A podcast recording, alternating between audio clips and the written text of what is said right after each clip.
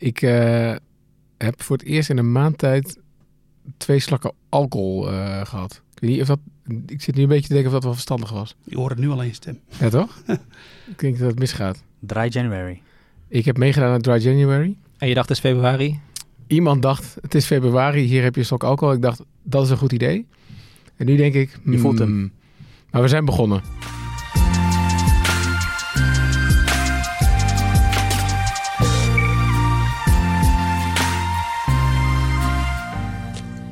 Zijn begonnen met eh, aflevering 4 alweer, jongens, van de Week van Nu. Dit is de wekelijkse podcast van Nu.nl, waarin we op vrijdag terugblikken op de week die was. Eh, dat doe ik niet alleen gelukkig, dat hoorden jullie al. We doen dat met drie redacteuren van Nu.nl die veel meer van dingen afweten dan ik. Daarom ben ik hoofdredacteur, Gertjaap Hoekman. En daarom zit ik hier aan tafel met Joost Nederpelt, eh, de samensteller voorpagina. Stan Hulze, onze tech-expert. En Avias Biki, politiek verslaggever. Avi, ik wil even beginnen met jou. Welk, welk nieuws waar we gaan we het met jou over hebben? Eh, met mij gaan we het hebben over natuurlijk het kinderpardon. Want daar, jij hebt bij het debat gezeten deze week. Eh, ja, eh, maar vooral ook eh, posten. Posten. Posten. Dat Wa- betekent eh, dat je dan eh, gaat staan en wachten. Oké. Een beetje. Dan willen we alles. Deuren. Eh, dichte deuren, ja, maar heel veel mensen denken dan van ja, wat, wat doe je daar dan ook? Ja. Ik ben ook niet elke dag gaan posten. Je houdt vooral heel veel contact met, eh, met de woordvoerders en betrokkenen. Dus op die manier probeer je een beetje eh, in de gaten te houden van komt er nou iets uit? Hoe ver zijn ze? Oké. En eh, Nou, willen, willen we zo, wil ik zo alles over weten hoe je dat dan ziet voor een, eh, voor een dichte, dichte deur. Joost Nederpelt, ja, jij zat hier vorige week ook. En waar hadden we het toen over? Sneeuw. Waar gaan we het nu over hebben? Sneeuw. Nou, meer eh, weer Zin in in. het algemeenheid. eh, ja, Ik heb er nu al zin in. yes. En Stan, Stan Hulze, jij bent eh tech-redacteur voor het eerst eh, de gast bij de Week van Nu. En waar, waar gaan we het met jou over hebben? Facebook. Facebook is jarig, toch? Volgende week bestaan ze 15 jaar. Jemig. Als je dat hoort, dan... eh, en financieel gaat het beter dan ooit. Ik heb, je voelt me meteen zo oud als je denkt, jemig, 15 jaar. Maar nu.nl bestaat ook al bijna 20 jaar, jongens. Vergeet dat ook niet. Ja. Nou, daar gaan we het straks allemaal uitvoerig over hebben. Maar eerst ehm, de week, eh, andere dingen die deze week gebeurd zijn. Het was eh, de week waarin bekend werd dat eh kickbokser Badr Hari is betrapt op doping. Althans, dat onthulde Nieuwsuur.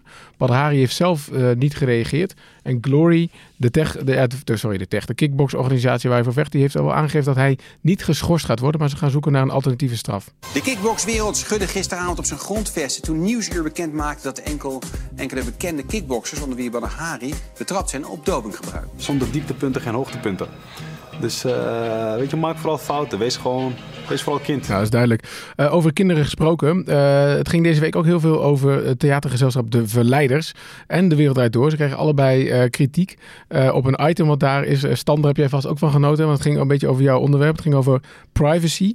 Ehm, en techjournalisten en de minister die klommen vervolgens in de pen om kritiek te geven op het gebrek aan feiten, geloof ik, in die uitzending. Heb je het gezien? Ik heb het niet gezien, maar ik heb het wel eh, meegekregen. Nou, de dag daarna kwam het programma er meteen op terug. We belden vanochtend direct de minister, die graag met de verleiders in discussie wil, als zij eerst een rondleiding bij de AIVD willen maken. We belden uiteraard ook meteen de verleiders. Zij willen graag met de minister in discussie, als zij tenminste eerst naar de voorstelling komt. Zo gezegd, zo gedaan. De minister gaat naar het toneel, de verleiders gaan naar de AIVD en in februari zitten zij samen bij ons aan tafel voor een discussie. Ja, ik moet zeggen, dat is wel keurig opgelost eh, door de wereld. Door slim. Ik ga zeker kijken. Ja, jongens, ik wilde jullie trouwens nog uitnodigen, want waar treden de verleiders op vanavond, denk je? Hoofddorp. Ja, ons eigen hoofddorp, waar de redactie van, eh van Nu.nl zetelt. Avi, had je dat leuk gevonden? het, in, in het village. Het Village. Eh, nee, nee, sowieso eh, is het geen echt, is niet echt goede reclame. En kijk, dit gebouw en waar wij zitten, onze verdieping is natuurlijk heel erg top. Maar hoofdop verder. ik- Als, je, als klaar niet. bent, dan ga je snel naar huis, wij zeggen. Ja, ja Nou, en ik ik, heb- denk, ik denk iedereen van deze redactie wel. Ik heb goed nieuws voor je. Het is uitverkocht. Dus ik ga jullie vanavond Ah, niet meenemen naar de verleiders. Gelukkig. Gemiste kans. Het was ook de week waarin een aantal kunstwerken van de koninklijke familie werden geveld. Een tekening van Rubens, die in bezit was van prinses Christina, leverde ruim 7 miljoen euro op. Seven million dollars then with Liz's telephone. Against the rest of you, would anyone like to come in at seven million dollars? Fair warning then. Hammers up. And selling for seven million dollars. 7 miljoen dollar, dus iets minder dan 7 miljoen euro. Eh, het was ook de week waarin het Britse parlement nog maar eens weer debatteerde over de brexit. Eh May kreeg trouwens in dat eh, debat voor het eerst steun. En- en ze kreeg steun om in Brussel weer te gaan onderhandelen. Maar die steun is dan weer in Brussel weer niet echt gevoeld. Want EU-voorzitter Juncker heeft al wel aangegeven dat dat niet echt veel zin heeft. En ondertussen is het consumentenvertrouwen in het, eh, in het Verenigd Koninkrijk tot een dieptepunt gedaald. Het is ook een manier van onderhandelen. Zeggen dat je niet meer wil onderhandelen. It was with a twinkle in her eye that Theresa May acknowledged today a limited appetite among European partners for renegotiation. And if Bloomberg were to be believed, they'd ruled it out even before she got to her feet. They'd obtained a press statement that had already been prepared for the passing of the Brady Amendment, saying the EU would not renegotiate the withdrawal agreement. Ja, van dit verhaal zijn we nog lang niet af, eh, denk ik. Ja, tot slot was het de week dat er een eend overleed. En dat was niet zomaar een eend. De eend heette Trevor en die stond bekend als de meest eenzame eend ter wereld. Hij was in een storm soort van aangespoeld, aangevlogen op een, eh, een afgelegen eiland in de Stille Oceaan. Overigens, daar woonden wel 1500 mensen. Dus vo- voordat je denkt dat het een soort rotsblok was. Ehm wat het tragische was, hij, er waren niet zo heel veel dieren daar. En dat maakte hem de eenzaamste eend op aarde. En hij werd doodgebeten door een hond. Ja, dat is net, net, net één dier te veel dus. Darwin krijgt toch gelijk. Ja. Goed jongens, dat, was, eh, dat waren eigenlijk de andere dingen die deze week spelen. Gaan we nu het hebben naar de, over de, ja, de grote verhalen van deze week. En Avi, ik wil toch eigenlijk beginnen bij jou in Den Haag. Yes. Ehm, want jij hebt voor ons deze week het debat eh, rond het kinderbadon gevolgd. Eh, kan, je- kan je een korte samenvatting geven wat er gebeurd is? Ja, het debat was eigenlijk niet het spannendst. Eh, het was eigenlijk meer de, de aanloop daar naartoe. Eh, Waarom, waarom, waarom? Nou, dat is, dat is hoe het gegaan is. Kijk, de, de- vorige week is het begonnen. Ja. Toen is het CDA heeft een soort opening geboden met een interview in het AD waarin zij ehm, eh, hebben uitgelegd van wij zijn niet meer eh, tegen een verruiming van kinderpardon. Voorheen was dat wel zo. Ja, iedereen kan zich de formatie nog herinneren. Ja. De allerlangste formatie ever. En ehm, dit was een van de belangrijkste struikelblokken. Als het ergens op zou klappen, dan was het dit onderwerp wel geweest. Maar wat de VVD eh, was, is natuurlijk niet eh, voor verruiming. Ja, en CDA. Dus dat is toen niet gelukt en nu opeens weer wel. Ehm zijn verschillende factoren daar eigenlijk eh, de reden toe geweest. Een van de redenen is natuurlijk hoe de situatie met Lillian Howick is verlopen. Ja. Eh, de documentaire van Tim Hofman, eh, dat heeft bij eh, het CDA en ook in de achterban een hele hoop teweeggebracht. Hè, want Tim Hofman heeft die, een aantal van die kinderen het als een gezicht, Precies, zijn gezicht precies. gegeven. Ja, ehm, ja, best wel volgens mij een succesvolle documentaire, waardoor heel veel mensen hun ogen eigenlijk een beetje geopend is. Maar ook niet alleen bij de mensen thuis, maar vooral ook in Den Haag. Van, je zag ook bij Buma van, eh, hoe moet ik dit nou eigenlijk uitleggen? En iedereen kent dat fragment ook wel van Klaas Dijkhoff, hè, dat hij dat bij dat jongetje dan zegt van, ja, als ik terug ga, dan, eh, dan ga ik waarschijnlijk dood. En dan dat hij dan zegt, ja dus. Dus dat is ook dat, Ja. ja, heel vervelend ook allemaal. Ja. Maar dat heeft in ieder geval bij het eh, CDA en ook heel belangrijk, dus bij die achterban, ertoe geleid van wat zijn we nou eigenlijk aan het doen? En ehm, er En- komt een congres aan. En eh, voor Buma was dat. eh, Voor de een- CDA bedoel je? CDA heeft Ja. een congres binnenkort. En eh, ze voelden het eigenlijk al aan van. De leden roeren zich en die gaan met een motie komen waarin ze oproepen om toch weer naar dat kinderpardon te gaan kijken. En dan wordt het voor CDA heel erg moeilijk. Hè? Ook met de Eerste Kamerverkiezingen die eraan komen. En dan komt de positie van Buma toch een beetje onder druk te staan. En vandaar dus wat ze in Den Haag dan noemen de draai. En de draai leidde tot een debat. En wat, was de conclusie, wat is de conclusie van het debat? Ehm, nou ja, de- eh, moet gezegd worden, kijk, nu is er dus een meerderheid Ja. in de Tweede Kamer die voor de verruiming van dit kinderpardon is. Want het hing echt op het CDA. Eh, er was eerst eh, een rechtse meerderheid eh, op dit punt en nu is er dus gewoon een linkse meerderheid op dit punt. Dus je kunt je voorstellen, de meerderheid van de Kamer is het ook gewoon eens hiermee. Ehm, maar er zitten bepaalde elementen eh, in het akkoord eh, waar ze eh, nog wel hun vragen over hebben. Dat is onder andere, nou ja, daar wordt dus over onderhandeld, hè, dus in de loop van de week. En de VVD die moet er zeg maar iets voor terug hebben. Ja. Wat de VVD dus eh, al een tijdje geleden al heeft gezegd, is dat ze die discretionaire bevoegdheid van de staatssecretaris. Hè, dus dat, is- dat betekent dus dat hij eh, zelf eigenhandig mag zeggen... jij krijgt een kinderpardon, eh, toch? Precies, Ja. ja. Discretionaire bevoegdheid houdt dus in van... Dus je hebt je hele procedure doorlopen en alle rechters hebben gezegd... je mag niet, je mag niet, je mag niet eh, blijven. Ehm, dat, dan, ehm, dat je dan het dossier nog, een, nog één keer bij de staatssecretaris kan leggen. En die kijkt er dan nog een keer naar eh, en die kan zeggen... ja, weet je, dit geval is zo schrijnend, ehm, ik doe het toch. Wordt best wel gebruik van gemaakt. Alleen soms komt het dus voor dat zo'n eh, geval eh, eh, in de media terechtkomt. Lilian Hovik laatst, maar ook Mauro kunnen we ons herinneren, denk ik. En dan komt er een soort publieke druk op, omdat mensen zijn voor, of Nederlanders zijn voor een streng migratiebeleid. Maar zodra ze zien eh, dat zo'n kind zeg maar een gezicht heeft Ja. en eh, eigenlijk gewoon een heel normaal mens is. En op school zit bij, op school bij zit, je buurjongens. vriendjes Ja. heeft en zo. Ehm, dan vinden ze zo'n individueel geval vinden ze dan heel erg. Ja. En eh, daar ja, komt er een druk op. Ja, bij Lily en Hovik hebben we gezien wat het teweeg heeft gebracht. En dan moeten ze dus alsnog eh, gebruik maken van zijn discretionaire bevoegdheid. En dan dus in feite ook de rechterlijke uitspraken Ja. naast zich neerleggen. Maar, maar toch even terug, want het, het, even, eh, de- eh, het, debat, het debat heeft toegeleid dat er een kinderpardon nu is hè, voor, ik geloof 600 kinderen. Ja, maar dan moet ik toch wel even corrigeren. Dat debat heeft daar dus niet toe geleid. Oké, Het gaat, het, het gaat er dus om ehm, dat die coalitiepartijen dus met elkaar hebben besloten... we gaan het eh, regeerakkoord dus openbreken. Mhm. En wij besluiten dus met z'n vieren dat ehm, er dit pakket komt. Ze overleggen dan met Mark Harbers, de staatssecretaris. Dat doen ze dus op het ministerie van Justitie en Veiligheid. Die maakt dan vervolgens een nieuwe brief... eh, waar dus alle afspraken in staan...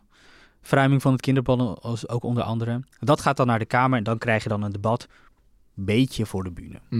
Maar de- VVD is uiteindelijk akkoord gegaan met die, die, die eh, openbreking van het regeerakkoord. Ja. En die willen daar natuurlijk wat voor terug, want zo werkt politiek. Precies, dat is dus die discretionaire ja, bevoegdheid. want die is Ja. nu naar de IND gegaan. Hè? Die Dat- gaat dus naar de baas van die IND Ja. en daar zijn nog steeds wel een aantal vragen over. Dat is dan waar het debat voor is. Dan kan de oppositie gaan vragen van, ja, die deal ziet er dan zo en zo uit. Maar hoe zit het dan met die discretionaire bevoegdheid? Dat is nog een vraag, dat moet nog worden uitgewerkt verder. Het is de bedoeling dus dat de hoofd van de IND daar nu, nu over gaat. Ehm, en dat ehm, dus die toets, dat noemen ze dus nu de schrijdendheidstoets. Dat was voorheen discretionaire bevoegdheid, daarvan zeggen ze dat is afgeschaft. Eh, dan eh, gaat de hoofd IND gaat dus bepalen van is hier een schrijnende situatie. Maar dat- dat dan- doen ze dan eerder in het traject, ehm, zodat die toets ook meegenomen kan worden voor de rechter. En de bedoeling is dus dat het laatste woord aan de rechter is. Oké, maar ik wil zeggen, want het lijkt me nog best eh, ingewikkeld om te bepalen is- wat is schrijnend dan. Daarvan heb- hebben de coalitiepartijen dus ook afgesproken van ehm, dat gaat de IND bepalen, maar er komt nog een commissie aan ehm, eh, van experts, psychologen en eh, mensen uit het veld. Die gaan bepalen eh, wat, of die situatie ook schrijnend is of niet. Oké. En dat is niet het enige wat ze ervoor terug hebben gekregen, toch, de VVD? Ehm, ja, de discretionaire bevoegdheid, maar ook, ehm, en dat is denk ik waar eh, de meest duidelijke en de grootste kritiek vanuit de Kamer eh, op is gekomen, is dat ze eh, het aantal erkende VN-vluchtelingen wat Nederland opneemt. Ja, dus dat is geen kinderen hoeven dat te zijn, maar het is Nee, gewoon nee, überhaupt. Stel je dus bijvoorbeeld, bijvoorbeeld voor uit conflictgebieden Ja. in Afrika, Midden-Oosten of waar dan ook. Eh, dat zijn gewoon erkende vluchtelingen van UNHCR, het, het eh, VN-instituut voor, eh, voor vluchtelingen. Ehm, daar wordt dan een selectie van gemaakt. We hadden afgesproken, eh daar doen we er 750 van. Dat gaat nu naar 500. Eh, dat is Per jaar. per jaar. Ja, dus jaarlijks 500. Dat is dus de oude situatie, maar dat, nu komt er zeg maar een beetje een politiek spel erbij kijken. Ehm, omdat de partijen in de formatie niet eh, tot een overeenstemming zijn gekomen over het kinderpardon. Dat wordt dus niet verruimd, dat was in de formatie. Toen hebben ze gezegd, weet je wat, Eh, in plaats van die 500 doen we er nu 750 erkende vluchtelingen. Hmm.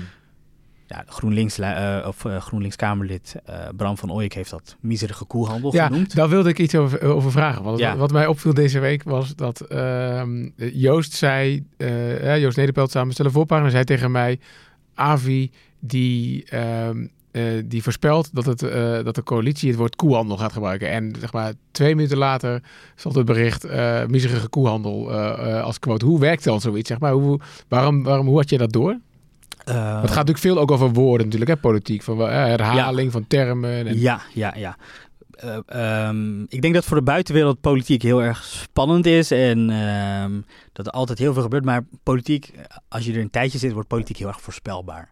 En ik zit er nu vier, vijf jaar, denk ik. Dus ehm, eh, je, je, je weet op een gegeven moment welke termen wanneer in welke dossiers gebruikt gaan worden. En voor de oppositie is een term als koelhandel. eh, weten ze dat dat een hele vervelende term is, omdat de partij om wie het gaat, dus bijvoorbeeld ChristenUnie ook, ja, die wil daar natuurlijk helemaal niks van weten. Die doet hun uiterste best juist voor die mensen. En zij zien het zo, nou ja, we hebben die verruiming niet binnengehaald, uh, maar wel van 500 naar 750. Uh, omdat dat toen de afspraak was. En heeft VVD gezegd, nou, uh, we gaan nu het verruimen, dus we gaan weer van 750 naar 500. Dan kan je klok op gelijk zetten dat de oppositie gaat zeggen, dit is koelhandel. En inderdaad, later in het debat. Ja, interessant hoor. En dus het is um, het kinderpardon... Uh, daarvoor in de plaats uh, krijg je dus nu 500 in plaats van 750 erkende ja. vluchtelingen. Ja. Het uh, discretionaire bevoegdheid is naar het IND. En het is het de laatste keer, hebben ze nu gezegd, dat het een kinderpardon is. Dat, dat is dus de vraag. Want alles hangt of valt eigenlijk met de procedures. De reden waarom we elke keer weer een pardon hebben, is vanwege die lange procedures. We, laten, we laten kinderen eigenlijk wortelen hier vanwege de regels zoals we die hebben. Dus de ouders kunnen maar blijven doorprocederen, et cetera. Daar hebben ze er nu van gezegd, nou, we gaan uh, flink investeren in het IND. meer mensen erbij. in de hoop dat die procedures dus aanzienlijk verkort worden, omdat ze dan sneller behandeld worden, et cetera. Dus, maar het, het, is echt nog maar de vraag of dat echt gaat gebeuren. Want er zullen altijd gevallen zijn die buiten, uh, buiten de procedures vallen. En dat stapelt zich op een gegeven moment ook weer op. Um, ik vroeg ook vlak na de presentatie hè, van, dat, van dat document, waarop alle afspraken stonden, vroeg ik nog aan Klaas Dijkhoff en Rob Jette en aan Sibrand Buma. Is het nu echt de laatste keer? Want dat zullen heel veel uh, mensen uh, aan de rechterzijde van het politieke spectrum en hun aanhangers ook denken van, daar gaan we weer, weer een pardon. Uh, daarvan hebben ze gezegd, nou, het is de bedoeling dat dat de laatste keer is. Maar ja, als iets mm. de bedoeling is, is het nog niet de laatste keer. Dus mm.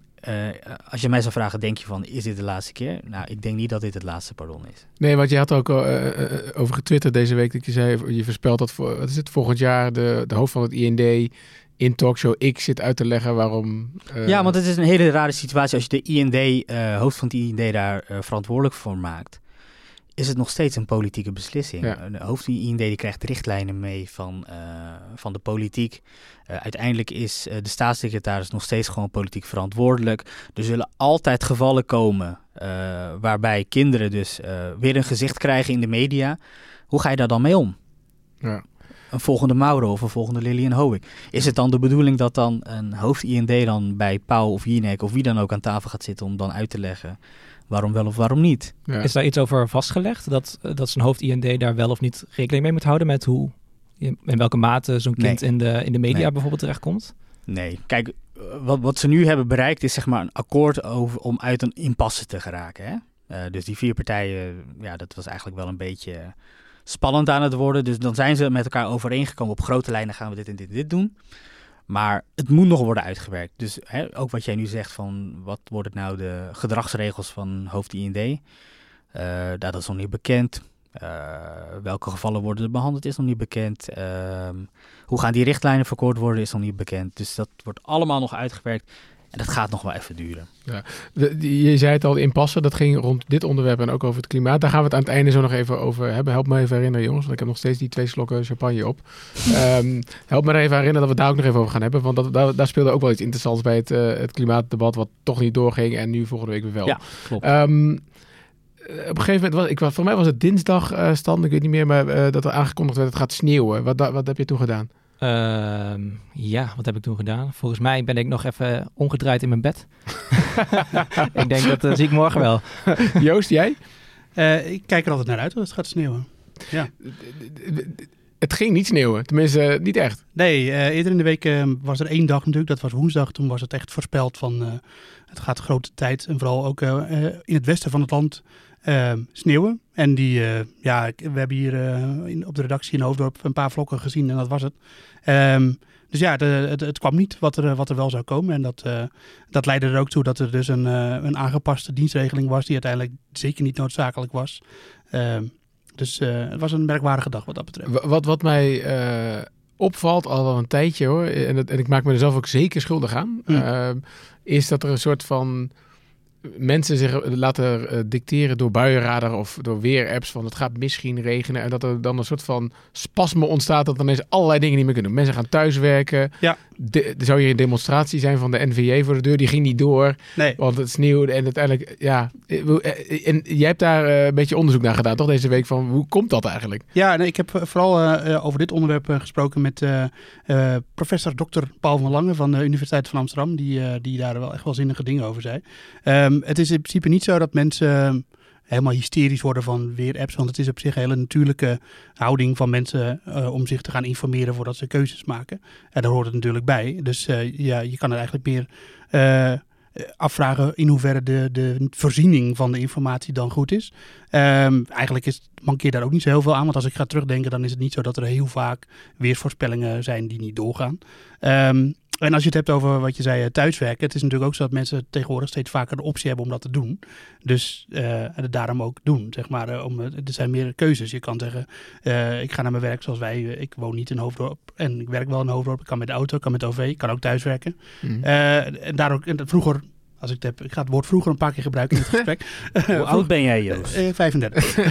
en vroeger kon dat gewoon minder. Dus, eh, dus ja, wat dat betreft is het ook op zich wel niet gek dat mensen dan eh, ja, een soort van uitwijkmogelijkheden nemen. Maar over vroeger gesproken, even shout-out naar je vader. Ja. Daar hadden we het deze week over. Ja, Eh, ja. hoe heeft hij jou opgevoed? Die eh, vindt dat ik in eerste instantie gewoon maar eens moet gaan kijken uit het raam. En dan, eh, dan maar eh, hij, het was een keer een situatie, dat was deze zomer. Toen vroegen we ons af, gaat het regenen of niet? En toen, toen eh, pakte, ik, pakte ik mijn telefoon om te kijken of er een bui aankwam. En toen liep hij zelf naar buiten om te kijken of er een bui aankwam. ja, maar ik heb eigenlijk wel tekenend. Ja, ja dat is voor, eh, voor de mensen die... eh, Ja, maar, ja, maar dat is toch ook, ik bedoel, ik heb ook best wel vaak dat ik denk, Ja. zullen we naar het strand gaan? Nou, het gaat misschien regenen, laten we maar niet naar het strand gaan. Maar je laat je Maar dan regent het niet. En uiteindelijk gebeurt er Ja. niks. denk je, Nee. jemig, of het regent wel, nou en? Ja, maar het is, het is niet zo dat, eh, dat het natuurlijk iets mis is met, eh, met informatie. Het is meer in, hoe, in hoeverre laat je je daardoor sturen. Ja, Eh, en het is op zich ook helemaal niet raar. Kijk, als ik het met de professor, de dokter het Lange, van Lange over had, sorry, dan die zei van ja, het is ook een beetje dat mensen reageren op basis van hun eigen ervaring. Dus als ze een keer een negatieve ervaring hebben gehad met ik ging, weet ik veel, fietsen in de zomer en ik had niet rekening gehouden met dat het zou kunnen gaan regenen en ik regende helemaal nat. Of in dit geval sneeuw, ik ga de weg op naar mijn werk, heb niet op de weerradar gekeken en ik ben helemaal overvallen door een sneeuwbui en dat wil ik nooit meer dat, dat me dat gebeurt. Ja, dan gaan mensen dus, zijn ze sneller geneigd om dat, eh, om dat gewoon te implementeren, zeg maar, in hun normale... eh, en, en ik doe dat, als ik naar mezelf kijk, ik doe dat tegenwoordig ook. Ik kijk altijd van, komt er een bui aan? eh, staat er file voordat ik de auto instap? ja. Ja, daar is, je kan niet zeggen dat daar wat mis mee is. Alleen het heeft wel een beetje controlfriekerige trekjes. Nou, ik, je ik kan- vind het saai. ja, ik kan zeggen, je kan, wel, je kan best zeggen dat er iets mis mee is. Want me- mensen lijken wel eens van bang voor chaos of dingen die Ja. mis kunnen gaan. Nou ja, dat, Misschien komt het ook omdat dat dat, ik dat doet dol op ben. Hoor. Dat doet de NS dus ook elke keer. Ja. Want dan heb van aangepaste dienstregelingen, Ja. et cetera. Dan denk ik ook bij mezelf. Is het nou echt zo erg? Want hoe deden we dat vroeger? Ja, nee, dat, eh, dat, eh, de, de, eh, dat noemde meneer Van Lange noemde dat eh, teleurstellingsmanagement. ja, Ja. dat is Verwachtingen bijstellen. Ja, Dan, want mensen die hebben tegenwoordig... teleurstellingsmanagement. Maar heeft dat ermee te maken- laten da- dalen. Heeft het ermee te maken dat dan de NS gewoon bang is dan? Of zo? Nee, nou, ik denk dat eh, ik denk zelf. bang voor gezeik? En eh, ik denk zelf dat dat komt omdat mensen, omdat ze denken van eh, we moeten een beslissing nemen. Nou ja, je kan, eh, daar had ik het ook over. Ik ga veel- veel refereren aan dit gesprek wat ik had met die, eh, die meneer. Maar eh, mensen die doen het soms, die hakken snel een knoop door. En die denken, dan hoef ik er niet langer meer over na te denken. En dan is de beslissing, eh, de communiqué is de deur uit. Klaar. Eh, of ze de- denken er wat langer over na. Eh, maar uiteindelijk komt het er wel op neer dat je een keuze moet maken. En als je het niet weet, en dat is natuurlijk het belangrijkste gegeven hierin. Er is een voorspelling. Eh, ehm, we kunnen het zo nog even over die codes hebben. Maar er is een voorspelling. Ja, neem het zekere voor het onzekere. Ja. En dan, dan doen we het maar niet. En dan voorkomen we in ieder geval de teleurstelling dat mensen de volgende dag, want het is vaak natuurlijk een dag van tevoren, voor verrassingen komen te staan. En eh, nu weet je in ieder geval van tevoren, oké, er is morgen sneeuw voorspeld. eh, laat ik maar wat eerder naar de trein gaan. Laat ik goed de, de NS-reis-app in de gaten houden, want dan kom ik in ieder geval niet, en dat is het belangrijkste, niet voor verrassingen te staan. Dus ja, eh, en natuurlijk dan achteraf eh, is het... eh, maar je kan het ook omdraaien. Stel je eens voor dat ze dat niet doen. Hè, Ja. En ze worden wel verrast door een bult sneeuw. En Dan gaan we ja, zeuren allemaal. Dan gaat iedereen ook Ja. zeuren. Ja, Dus ja, ja, het is ook zo dat het- je doet het in principe toch nooit goed. Dat is, dat, dat is ook een Nederlandse en misschien ook wel een menselijke... En iets van de. NS, En iets van NS waar ze zeker. last Ja. van hebben. Het is natuurlijk nog steeds... Kijk, de tevredenheid van NS eh, loopt op. Maar dat is natuurlijk nog Maar ze steeds... weten eh, zelf niet hoe. Nee, de nationale pispaal eh, bij momenten. Hmm. Dus ja, en ehm, eh, wat ook wel opvallend is, dat we hadden het ook nog even over hoe, mensen, hoe het nou komt dat mensen dat er zijn twee men- soorten mensen. Mensen die vinden het heel leuk als het gaat sneeuwen. Ja. En die vinden het niet leuk. En vindt het niet leuk? nee, ik vind helemaal niks. ja, ik vind het dus wel heel leuk. Maar dat Ja, komt ook. gewoon mensen die, die... Er zijn mensen die houden van vastigheid en vaste patronen. En geen verrassingen en geen nieuwe dingen. Avi, dat ben jij dus. Ja, maar- ja. Daarom werkt heel maar, maar, ik, maar ik heb dus geen buienradar. Ik had wel buienradar, maar ik heb dat eraf gehaald. Oh ja. Ja. Ja, waarom dan? Ja, omdat ik merkte dat ik de hele tijd ging kijken of het ging regenen of niet. En inderdaad mijn gedrag daarop ging aanpassen. Ja, precies. Dus dat vond ik niet, eh, ik vond het voor mezelf niet prettig. Nee, ja, ik, ben, ik vind ben, het sowieso niet prettig dat, dat apparaten een hele eh, zo'n zo'n eh, invloed hebben op je. Ik wil, je, gedrag. ik wil je heel hartelijk bedanken voor dit bruggetje.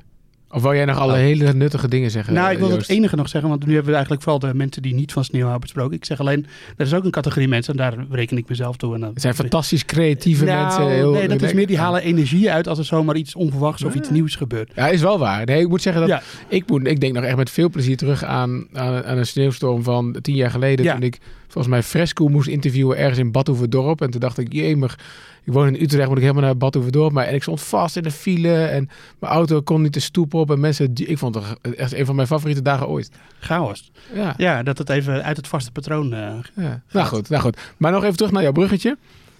Eh, eh, eh, gebruik je nog Facebook? Was mijn vraag eigenlijk. Ik heb mijn eh, Facebook-account heb ik eh, opgegeven. Opgeheven zo. Ja, Oké. En ja. jij Joost? ook, ja, enkele maanden geleden. Ja. Eh, Stan, ik ben benieuwd wat jij zegt eh, daarop. Ik heb hem nog wel. Maar ook als je niet Facebook gebruikt, zit je wel bij Facebook hoor. Kijk. Ja, dat, daar reken ik Ja. mezelf ook bij. Ben jij, ben jij alvast slingers aan het ophangen? Eh, voor de verjaardag. Voor de verjaardag? Eh, nee. Is het taart? Maandag? Ik, nou, weet ik niet. Ja, jij bent hoofdredacteur. Oh, nou ja, volgens mij is hij bijna elke dag taart. Dus het zal Dat- maandag, ja, dat is wel ook- waar. Ja, het dat zal maandag ook vast iemand jarig zijn. Ja. Maar we gaan geen taart eten omdat Facebook jarig is. Maar jij gaat er wel, je hebt er wel een mooi stuk over aan. Ben je erover aan het schrijven? Is bijna af. Misschien als je deze podcast luistert, staat hij op nu weekend. En waar gaat dat stuk over? Facebook is, eh, is 15 jaar. Eh, en dus de vraag is eigenlijk, eh, ja, welke invloed heeft het in die loop van de jaren eigenlijk over ons Nederlanders eh, verworven? Facebook is niet alleen Facebook, ook WhatsApp, Instagram eh, is onderdeel van Facebook. En eh, vorige week bleek uit onderzoek dat 94% van alle Nederlanders met een internetverbinding en van 15 jaar of ouder eh, maakt gebruik van een Facebook-dienst. Oké, heftig. Ja, dat is flink hè? Ja, dat is flink. En ze liggen natuurlijk ook de, de afgelopen jaren best wel onder vuur. Nou ligt misschien met name Facebook, de, het, zeg maar de app Facebook van het bedrijf Facebook heel erg onder Ja. vuur. Ehm, maar volgens mij eh, heeft dat niet voor gezorgd dat het bedrijf heel veel kleiner is geworden. Of dat mensen het ook überhaupt minder zijn gaan gebruiken, toch? Eh, wereldwijd niet. Facebook heeft deze week eh, zijn, zijn jaarcijfers gepubliceerd. En daaruit blijkt dat ze nog altijd groeien. 2,3 miljard gebruikers volgens mij uit mijn hoofd, wereldwijd. Financieel ook niet. Winst tegen met eh 60% ten opzichte van, van een jaar eerder. Dus dat is ook flink. In Nederland schijnt het wel, volgens datzelfde onderzoek waar dat blijkt dat 94% van de Nederlanders een Facebook-dienst gebruikt, eh, blijkt wel dat mensen wel Facebook als sociaal medium minder gebruiken. Dus eh, WhatsApp groeit nog wel, Instagram groeit ook nog, maar Facebook zelf, eh, mensen gaan daar blijkbaar vanaf. Oké. En de aandelenkoers ste- steeg ook naar aanleiding van het bekendmaken van die cijfers. Dus, Ja, 60% meer winst, dus dat... dus we hoeven eigenlijk helemaal geen, geen medelijden te hebben met Mark Zuckerberg. nee, in ieder geval niet met zijn portemonnee. Er was er nog wel een klein, toch, wel, toch wel weer een klein relletje rond Facebook. Trouwens, Ja, hoort erbij inmiddels. Dat is ook traditie. Het is wel bijna elke week zo. Waar ging dat deze week over? Eh, nou, Facebook heeft een eh, app uitgebracht eh, voor iOS en Android, waarmee zij het netwerkverkeer van mensen die die app installeerden konden bekijken. Je kan je voorstellen. Vrijwillig, hè? Misschien... Ja, mensen kunnen dus Ja. zich dus daarvoor aanmelden en dan kregen ze ook een beloning in de vorm van een tegoedbon. En dat is voor Facebook natuurlijk heel waardevol, want dan kunnen ze kijken hoeveel gebruiken ze überhaupt Facebook-diensten, maar welke andere diensten gebruiken ze nog weer? Waar zitten mogelijk gevaren voor ons? Wat zijn concurrenten? Waar zitten die mensen nou precies allemaal op? Eh, het probleem was echter dat Apple van de iPhone, die wil...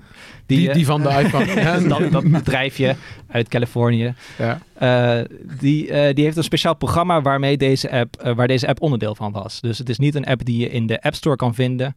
zoals je ook de Google Play Store hebt. Dan tik je in van, nou, ik wil deze, deze app vinden. Daar zat hij niet in, maar het was een app die ehm, buiten die App Store te vinden was. En dat komt omdat die... eh, nou, Facebook is een heel groot bedrijf en ze brengen natuurlijk continu updates uit aan hun eigen apps. Eh, voordat ze dat daadwerkelijk live brengen, wil je dat natuurlijk kunnen testen, bijvoorbeeld. Dus dan kun je bij Apple een soort van eh, certificaat aanvragen, een soort van partner, partnership Mm. aangaan, waarin jij een app buiten de App Store op een iPhone kan installeren. Dat is dus bedoeld voor medewerkers of personeel van Facebook. Maar Facebook heeft dit, dit systeem, deze partnership ook gebruikt om die app voor consumenten, of aan consumenten beschikbaar te stellen. En Apple zei, nee, dat vinden we niet zo leuk. dus toen hebben ze het, eh, het certificaat waar het om ging, hebben ze toen ingetrokken. Betekent dat eh, die onderzoeksapp niet meer bruikbaar was. eh, maar ook dat al die testapps die Facebook gebruikte ook niet meer beschikbaar waren. En wat ik wel grappig beeld vond van mezelf, maar ik weet niet of het ook echt ontstaan is. Maar ze hebben ook een app voor hun personeel waar ze geloof ik kunnen zien hoe laat de shuttle gaat. Dat die het ook niet meer deed. Nee, al die apps Dus die kwam iedereen te laat eh, op zijn werk daar? Of eh, heb je daar iets over gehoord? Ik heb daar niks van gehoord, maar eh, je kan je voorstellen, er werken duizenden mensen daar. En Ja. die zijn ja, voor hun werk misschien wel heel erg groot deel afhankelijk van zo'n app. Want ja, als jij gaat bouwen aan een product, dan wil je zien hoe het eruit ziet. En wil je dat testen, wil je kijken of er foutjes in zitten, dat soort dingen. Ja, als het niet meer gaat, dan wordt het knap Die lastig. niet anders. En bij Google eh, gebeurde ongeveer hetzelfde hè, deze week. Ja, nadat we dit verhaal van Facebook naar buiten kwam, bleek dat Google ook via dezelfde partnership met Apple een, eh, zo'n app naar buiten had gebracht. Die waren daar wel wat transparanter over als het gaat om, nou, we doen dit en dit en je krijgt daar dit en dit voor. Dat was dus ook een vergoeding. Eh, maar ook daarvan eh, zei Apple van, nee, dit, eh, dit is niet hoe het werkt. Maar Go- Google deed dat dus ook. Die, ging, die, die, die eh, volgde ook gewoon je hele... Ja, maar het is wel een app die eh, gebruikers zelf moeten installeren. ja, ja. Dus ja. het is niet zo dat Dus je jij, kiest, op je jij kiest er dan voor dat Google vraagt aan jou, Avi, wil je deze app installeren zodat we je helemaal kunnen leegtrekken en hier heb je een boekenbon voor 20 euro.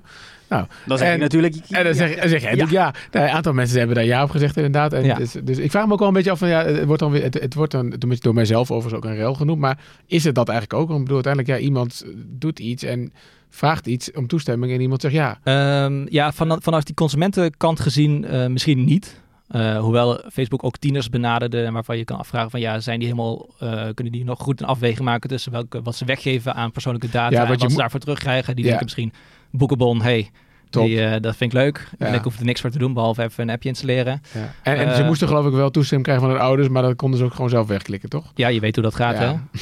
hè? Nee, nee. Oh, jouw kinderen die... eh, nou, die hebben nog geen telefoon. Die zijn er vier en zes. Nou ja, ik denk dat eh, iedereen met, eh, met kinderen die wel een telefoon hebben wel weten dat, eh, dat ze niet altijd expliciet toestemming Kan als ouder hebben die, die van gegeven. stand zijn al 16. Maar goed, eh, dus wat, wat dat betreft, eh, ja, als, het- als het om kinderen of, of tieners gaat, kun je nog zeggen van nou, dat is allemaal relatief netjes gegaan. Mm. Maar ze hebben natuurlijk gewoon een, een afspraak met Apple gemaakt. Ja. Eh, zij mogen eh, Facebook-apps voor hunzelf testen of eigen eh, shuttle-apps uitbrengen, wat dan ook voor hun personeel. En je gaat dan een, een, een partnership aan waar expliciet staat, dit is voor zakelijk gebruik en niet voor consumenten. Ja. Google had een app eh, over wat er in het restaurant te eten was. Dat was ook wel een geinig idee trouwens. Dus daar denkt nu iedereen, eh, is, de, ki- is er wel of geen quinoa eh, vandaag. Maar eh, zijn de avocado's in de aanbieding. Ja, Nou, nou, dat ze dus trouwens, ook niet lunch meer is zien. gratis toch daar? Ja, ja. Ja, ja, volgens mij wel. Ja. Ja. Oh, daar wel. daar wel ja. Ja, maar, maar Stan, ik las, dan, ik las dan ook ergens dat Apple nu ehm, zichzelf een beetje opwerpt als de privacyhoeder in techland. Ja, dat is wel wat ze doen, ja. Dus, ja, Ja, maar, maar maar, denk je dat dat oprecht is? Of denk je van, nou, Eh, hier, hier valt gewoon commercieel best wel eh allebei. slag te slaan. Dat, eh, dat is allebei. Het is natuurlijk, kijk, Apple is in tegenstelling tot andere techreuzen, bijvoorbeeld Google en Facebook, geen advertentiebedrijf. Ja. Dus zij hebben, zij hebben de baat bij als jij een heel vaak of een iPhone koopt, zeg maar, of een MacBook. Google en Facebook willen zoveel mogelijk van jou weten. Dus, eh, nou ja, zeg maar, privacy schenden om Ja. eh, zo goed mogelijk advertenties te kunnen aanbieden. En Apple die speelt daar heel slim op in door gewoon heel hard dat tegengeluid te roepen.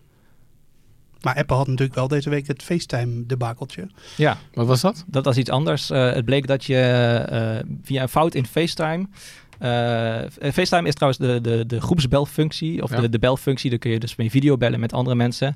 En eh, sinds kort hebben ze ook een groepsbelfunctie. Dus dan kun je niet met één op één, maar kun je met meerdere mensen, kun je mensen bellen. Dus dan kan ik jullie allemaal aan tafel hier, eh, hier bellen. Bleek dat, als je, dat er een foutje in zat en dat als ik jou probeerde te bellen en vervolgens mijzelf zou toevoegen aan dat groepsgesprek, ik jou kon afluisteren zonder dat jij het gesprek had geaccepteerd. Oké. Dus dat betekent dat ik jou bel en dat de microfoon dan aangaat, ik dat hoor zonder dat jij überhaupt iets doorhebt. Nog Maar- erger, als jij dan de volumeknop indrukt om het gesprek te cancelen, kon ik ook nog met je camera Ja, meekijken. daar heb je stand. Daar heb ik geen zin in hoor. Dat hoorde je dan. oh, heb jij hem weer. Ik heb hem nog niet verteld dat hij eigenlijk ontslagen is. Ja, dit, dat was ook een doen? En eh, er was ook een beetje ophef over, omdat dit eh, als, als foutje al een, tijd, een week geleden was gemeld bij Apple, maar het, eh, het was nog niet eh, aangekaart.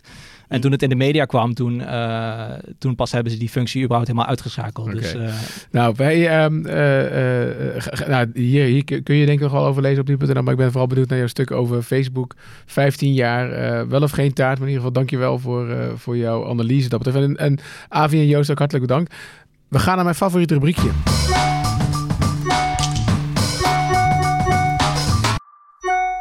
Namelijk, er is weer post.